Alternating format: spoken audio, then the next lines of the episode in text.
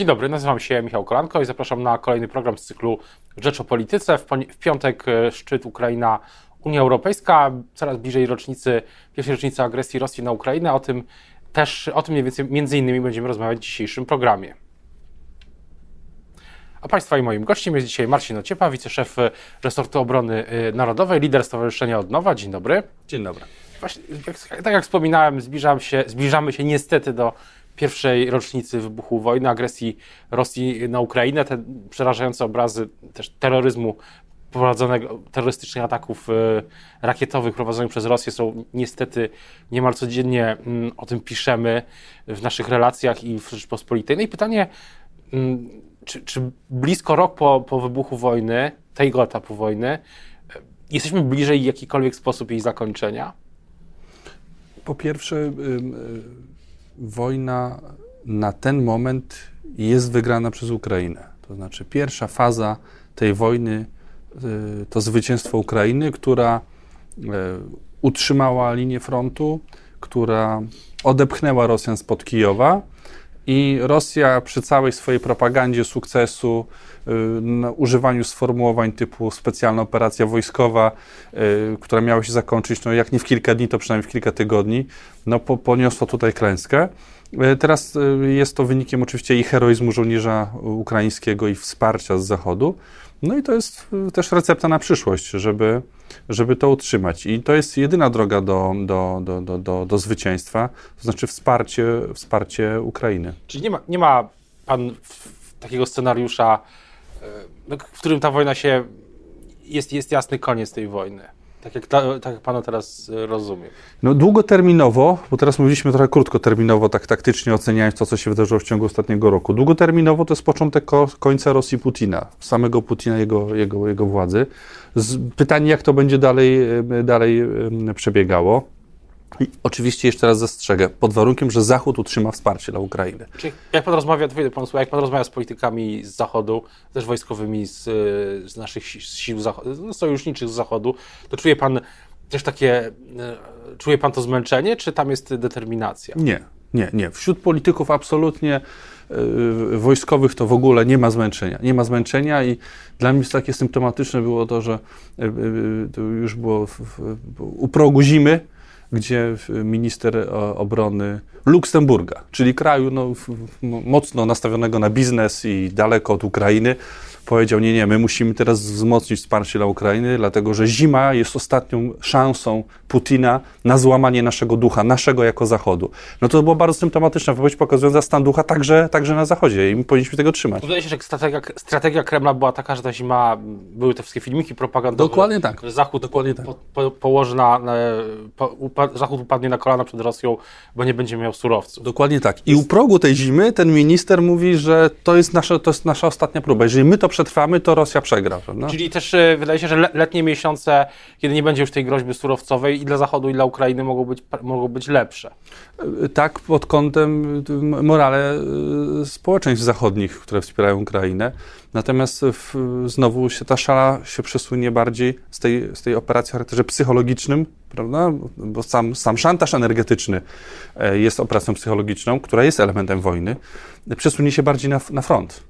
I tutaj także nie możemy odpuszczać, prawda? Czyli i morale, i y, twarde wsparcie wojskowe, sprzęt na, na linii frontu, które sprawi, że także Ukraińcy będą w stanie niwelować tą przewagę liczebną, y, niewątpliwie rosyjską, y, z siłą, z, czy z stopniem modernizacji swojego sprzętu. Wydaje się, że też jest, jest pytanie też, myślę, nasi, nasi widzowie, nasi słuchacze sobie zadają to pytanie, czy ten sprzęt, który Polska wysłała już, wysyła, mówił o tym minister Błaszczak, niedawno premier Morawiecki, to jest ten sprzęt zachodni, Abramsy, Leopardy oczywiście, sprzęt zmechanizowany do kolejnych brygad zmechanizowanych. Czy to jest, będzie, będzie dla Ukrainy prze, przełom, tak, jeśli można użyć tego słowa, game changer w tej wojnie? Mm, to, to się okaże.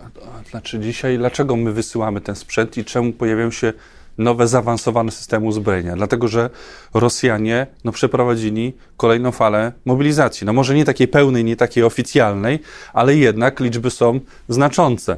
I ci ludzie wszyscy pójdą na front, czyli znowu Rosjanie, tak jak od wieków my to znamy, próbują masą przełamać front, masą zdobyć, zdobyć przewagę, nie licząc się z ofiarami śmiertelnymi. E, no i w związku z tym, że Ukraińcy siłą rzeczy mają ograniczone zasoby ludzkie, e, mają mniejsze te rezerwy, po które mogą sięgnąć, no to muszą mieć, muszą nadrabiać sprzętem, muszą nadrabiać przewagą technologiczną. I w tym sensie jest ten pakiet wsparcia Zachodu teraz, te nowe czołgi tej nowej generacji, po to, żeby oni wytrzymali. Zobaczymy, na ile uda się tą przewagę e, technologiczną e, e, wykorzystać, żeby była wystarczająca. Na koniec w tym wątku, a widzi Pan ryzyko, czy też rząd ma takie analizy z przesłuchy, że tak się wyrażę, ryzyko ataku ze strony Białorusi, nie ze strony nie wykonania wojsk białoruskich, ale rosyjskich ze strony Białorusi, właśnie tych zmobilizowanych świeżo być może, oczywiście używając pewnie tych starszych czołgów, ale jednak, tak jak Pan powiedział, w masie. Nie wchodząc w szczegóły, bo oczywiście o materiałach niejawnych y, nie wolno nam rozmawiać, y, natomiast y, oczywiście jest tak, że postępuje rusyfikacja Białorusi. Szczególnie sił zbrojnych Białorusi są tworzone nawet takie łączone formacje, czyli, związki taktyczne, które są białorusko-rosyjskie wprost. I e, jeśli dodamy do tego to, co zawsze było na Białorusi, czyli obecność znacząca i generalicji e, rosyjskiej, i e, służb specjalnych e, na szczytach władzy w Mińsku, no to oczywiście e, trzeba powiedzieć jasno, że my musimy być gotowi na to, że ze strony Białorusi pójdzie atak na Ukrainę.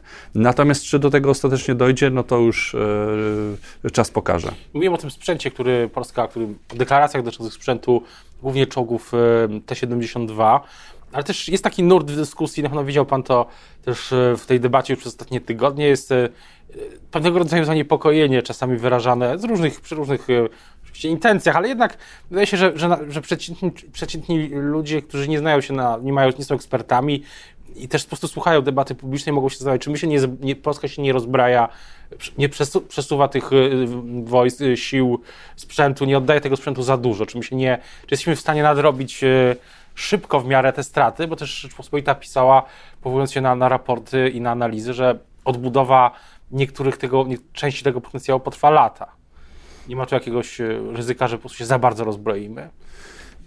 Warto, żeby podkreślić, że pan redaktor poczynił słuszną dystynkcję, to znaczy są różne intencje tego typu narracji. Chciałem ja powiedzieć, że w tej dezinformacji rosyjskiej to jest jeden z wątków, zniechęcania społeczeństwa polskiego do wspierania Ukrainy, że oto rozbrajacie się, że to jest to kosztem waszego bezpieczeństwa, więc nie dajmy się rosyjskiej propagandzie, ale tym, którzy szczerze, uczciwie pytają o, są zaniepokojeni tą sytuacją, trzeba odpowiedzieć tak. Po pierwsze, yy, yy, jesteśmy w tej dobrej sytuacji, że rząd Zjednoczonej Prawicy zaczął robić zakupy poważne zbrojeniowe od roku 2016, prawda? czyli od samego początku, kiedy doszliśmy do władzy i dzięki czemu na niektóre z systemu zbrojenia musimy czekać już tak długo, jak inni nasi, nasi partnerzy, którzy poczynili zamówienia prze, e, po wojnie, po wybuchu wojny.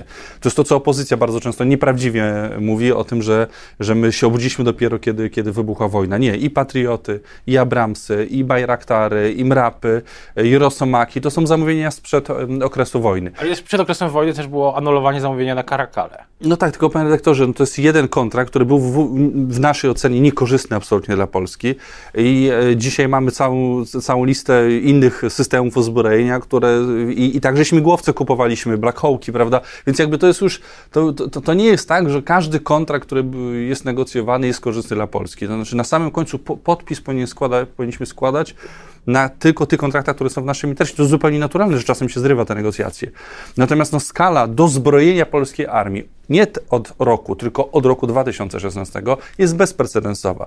Ale oczywiście to nasze wsparcie e, także sprawiło, że e, musieliśmy szukać innych rynków, że dostaliśmy docenieni przez sojuszników, czyli trafiają do nas Abramsy, poczyniliśmy dodatkowe zakupy w Korei Południowej. No i to, to, ta strategia premiera Błaszczaka, żeby wspierać Ukrainę, ale jednocześnie intensyfikować te zamówienia, sprawia, że dzisiaj możemy czuć się bezpiecznie. Do strategii to pamiętam, jak pan w, rozmawialiśmy kilka ładnych miesięcy temu i mówił pan, że, że kwestie, jeszcze chyba nawet przed wybuchem wojny, że kwestie milita- bezpieczeństwa, kwestie spraw zagranicznych takie ogólne strategiczne tematy powinny być poza sporem. Ale z drugiej strony rząd to się wielokrotnie przypomina, że o tutaj za czasów Platformy to jakaś to jednostka wojskowa została mm, rozwiązana, czy, czy, czy, czy i, i, i, tak dalej. Jak się, to, jak się to jedno ma do drugiego? Panie rektorze, dlatego, że jesteśmy brutalnie atakowani przez opozycję. Proszę zwrócić uwagę, to znaczy mamy wojnę na Ukrainie, a w tym czasie politycy opozycji, czy w Komisji Obrony Narodowej, czy Komisji Spraw Zagranicznych, generalnie na forum Sejmu i Senatu, no, atakują rząd yy, i nie jest niczym nadzwyczajnym, że yy, rząd jest krytykowany przez opozycję, bo w zasadzie to jest naturalna sytuacja w demokracji. Ale jeżeli opozycja sięga po nieprawdę, po kłamstwa, mówiąc wprost, no to my musimy się też bronić. My musimy pokazać tą inną perspektywę, bo inaczej opinia publiczna może uwierzyć, że my jesteśmy rozbrojeni, na przykład, prawda? Opinia publiczna może uwierzyć, że my się obudziliśmy dopiero w momencie wybuchu wojny. Natomiast e, wszyscy doskonale wiedzą, kto, kto ma odrobinę dobrej woli i wiedzy, że, że akurat polski rząd, rząd Zjednoczonej Prawicy i w ogóle nasz obóz polityczny to był ten obóz, który od lat ostrzegał przed Rosją. Od lat przestrzegał, że nie należy likwidować jednostek wojskowych na wschodzie, że trzeba dozbrajać polską armię, zwiększać jej liczebność. I nasi poprzednicy po prostu tego, tego nie robili, więc no, ro, rozumiem, że wiedzeni poczuciem winy i, e, i strachem przed, przed konsekwencjami wyborczymi, politycy opozycji atakują nas. Atakują naszą politykę zakupową, atakują naszą politykę na zagraniczną. Na przykład, przykład armata Haubice Krab, która odnoszą sukcesy, tak ogromne sukcesy zagniosły, już można tak powiedzieć, na froncie, no to jest decyzja ministra Siemoniaka. Nie, wiele innych systemów uzbrojenia też, nadbrzeżny dywizjon rakietowy, no. wiele, wiele innych ważnych dla, dla Polski systemów, które dzisiaj albo się sprawdziły, albo stanowią jakiś potencjał odstraszania. Panie redaktorze, nie ma wątpliwości, że w liczbach tak by globalnie, gdybyśmy spojrzeli, i na liczebność polskich sił zbrojnych, i na ilość garnizonów, jednostek wojskowych, to w przypadku rządu Platformy Obywatelskiej mamy regres, mamy spadek, mamy ubytek, mamy osłabienie polskiego bezpieczeństwa, a rządy Zjednoczonej Prawicy to jest radykalny wzrost naszego bezpieczeństwa, wzrost liczebności sił zbrojnych jednostek wojskowych. I oczywiście o poszczególnych systemach uzbrojenia możemy rozmawiać, ale panie rektorze, niech mi pan wymieni jeden system uzbrojenia, który kupiła Platforma Obywatelska. Jeden. Jeden. Taki... Jeden wcześniej kraby. Nie, no ale my nie mówimy, to, to nie jest prawda, że, że, oni, że to jest ten system, który oni wprowadzili. Pytanie jest takie, jakie jest system uzbrojenia, który dzisiaj od samego początku został zakupiony dla polskiej armii?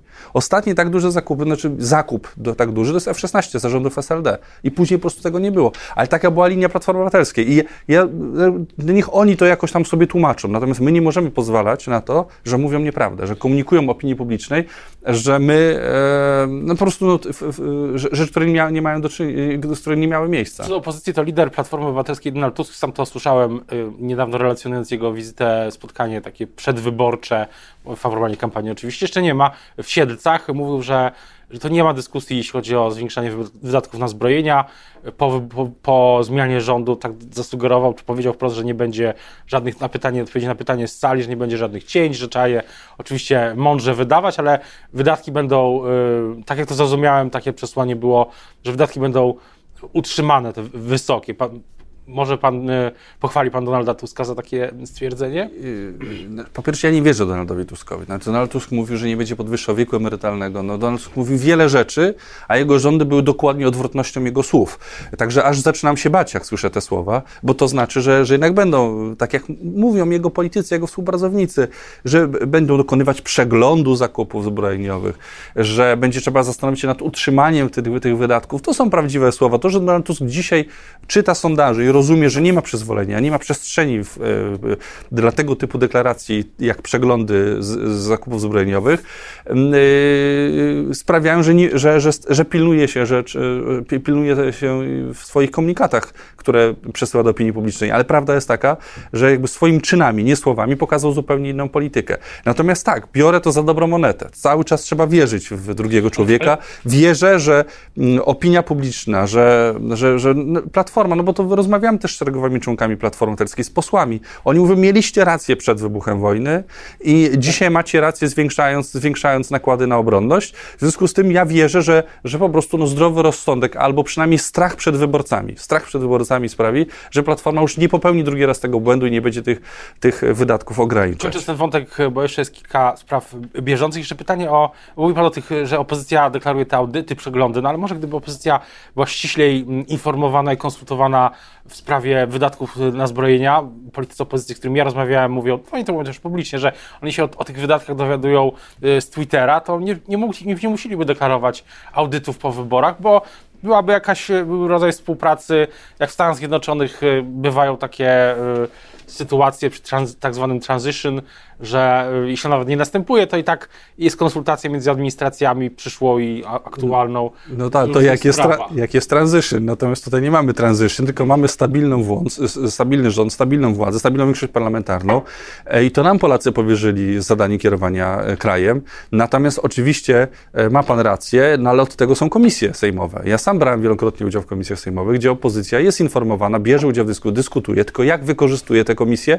no odsyłam do stenogramów, odsyłam naszych zainteresowanych tutaj widzów do tego, żeby włączyli sobie wideo, jak politycy opozycji wykorzystują. Niektórzy, pojedyncze osoby merytorycznie chcą się czegoś dowiedzieć i, i mają dobrą wolę. Zdecydowane większości absolutnie jest to, jest, jest to, jest to jakieś show, które nie, niczemu, niczemu nie służy. Natomiast y, a propos czynów, panie doktorze, przed wybuchem wojny była głosowana poprawka na Abramsy, te amerykańskie, co udało się wynegocjować, te sloty produkcyjne premierowi Błaszczakowi. Jak głosowała opozycja, byli przeciwko. Co do, co do tematów, wracając na koniec do tematów bieżących, czy powinien na forum rządu albo dla opinii publicznej, czy pan minister, profesor y, Czarnek powinien y, wytłumaczyć, y, jaki jest system przyznawania dotacji na budynki dla różnych organizacji? Czy czuje się pan usatysfakcjonowany jego wypowiedziami do tej pory? Bo wydaje się, że opinia publiczna, takie mam poczucie, i mm, nie czuje się nie, nie, nie, może się czuć usatysfakcjonowana, gdy minister mówi, a tu chodzi o to, żeby lewaccy nie dostali e, dotacji budynków. Nie, no to, to, to, to, jest złośliwa interpretacja słów. Znaczy, czymś innym jest idea wzmacniania społeczeństwa obywatelskiego, które jest solą każdej demokracji. To jest niezwykle istotne. My w Polsce mieliśmy do tej pory system, który polegał na tym, że organizacje pozarządowe stały się zakładnikiem małych często programów grantowych i za 5 tysięcy złotych od burmistrza czy prezydenta miasta, a może nawet za 10, e, były w gruncie rzeczy e, zakładnikami jego, jego polityki miejskiej. W, sytuacji, kiedy organizacja pozarządowa z samej nazwy ma być poza władzą, ma być organizacją, która realizuje inne cele. I te cele są różne. I deficytem e, polskiej demokracji było to, że te organizacje nie, nie mają swojej siły i dalej jest swojej siły postaci nieruchomości, postaci własnych zdolności do prowadzenia działalności gospodarczej, mówiąc w skrócie, do uzyskiwania dochodu na cele statutowe, na cele statutowe z innych źródeł niż publiczne. Ale kryteria powinny być jasne, czasem te komisje... Pełna zgoda. Komisja negatywnie opiniowała wnioski, a minister i tak przyznawał te dotacje. Nie, nie, nie, znam szczegółów, ale pełna zgoda, że muszą być transparentne tutaj metody. Powinien minister to wyjaśnić, oceny. zmienić, te, zmienić te, te procedury? Znaczy, jeżeli są, jest, na ile ja znam ministra Czanka, to zawsze jest gotowy odpowiadać na pytanie i wyjaśniać. No, szeroko też na Twitterze komentował te poszczególne przypadki, pokazując, co to są za organizacje pozarządowe. Często organizacje charytatywne, ale inne, inne prowadzące inną działalność, która jest pro publico bono dla, dla interesu publicznego. Powinno być transparentnie, powinno być dla, dla doświadczonych organizacji pozarządowych pełna zgoda, może 5 lat minimum działalności. E, organizacja, która posiada status pożytku publicznego, takie organizacje, które się przyczyniają do, do, do, do wzrostu społeczności lokalnych. Powinien to być, powinny być kryteria. W Sejmie powinien minister to wyjaśnić na forum, na trybuny? Ale panie doktor, no to jakby to już jest, może opozycja o to wnioskować. Minister, jak znam opozycję, wyjdą na mównicę, jak znam ministra Czarnka, który wychodzi i w, także w innych tematach chętnie odpowiada na wątpliwości opozycji, nie będzie miał z tym żadnego problemu.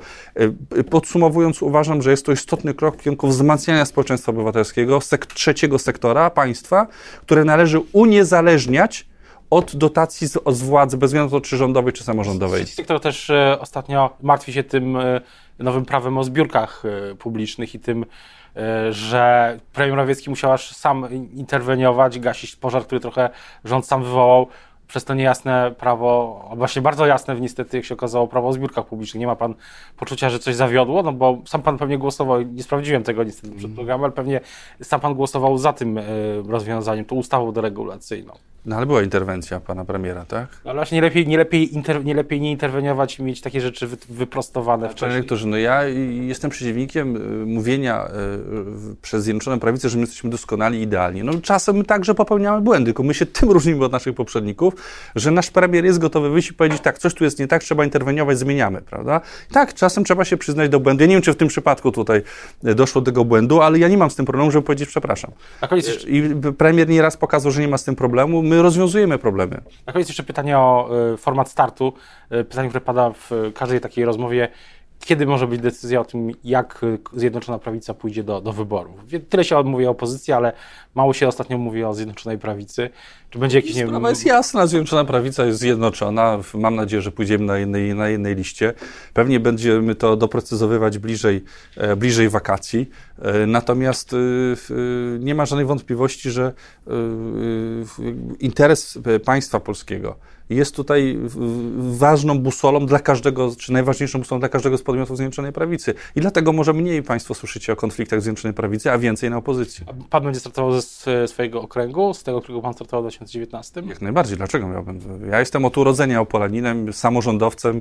Zresztą wywodzę się z trzeciego sektora ziemi opolskiej i cieszę się, że mogę pełnić mandat poselski o, z tamtego okręgu. O tym, co w Sejmie w przyszłym tygodniu i o tym e, oczywiście, co na, e, na, na linii frontu. Dzisiaj też ważna, ważne spotkanie e, Ukraina-Unia. Będziemy o tym jeszcze wielokrotnie pewnie mówić. Teraz bardzo już dziękuję za rozmowę Państwa i moim gościem dzisiaj był Marcin Ociepa, wiceszef resortu obrony narodowej i szef Stowarzyszenia Odnowa. Dziękuję bardzo. Dziękuję.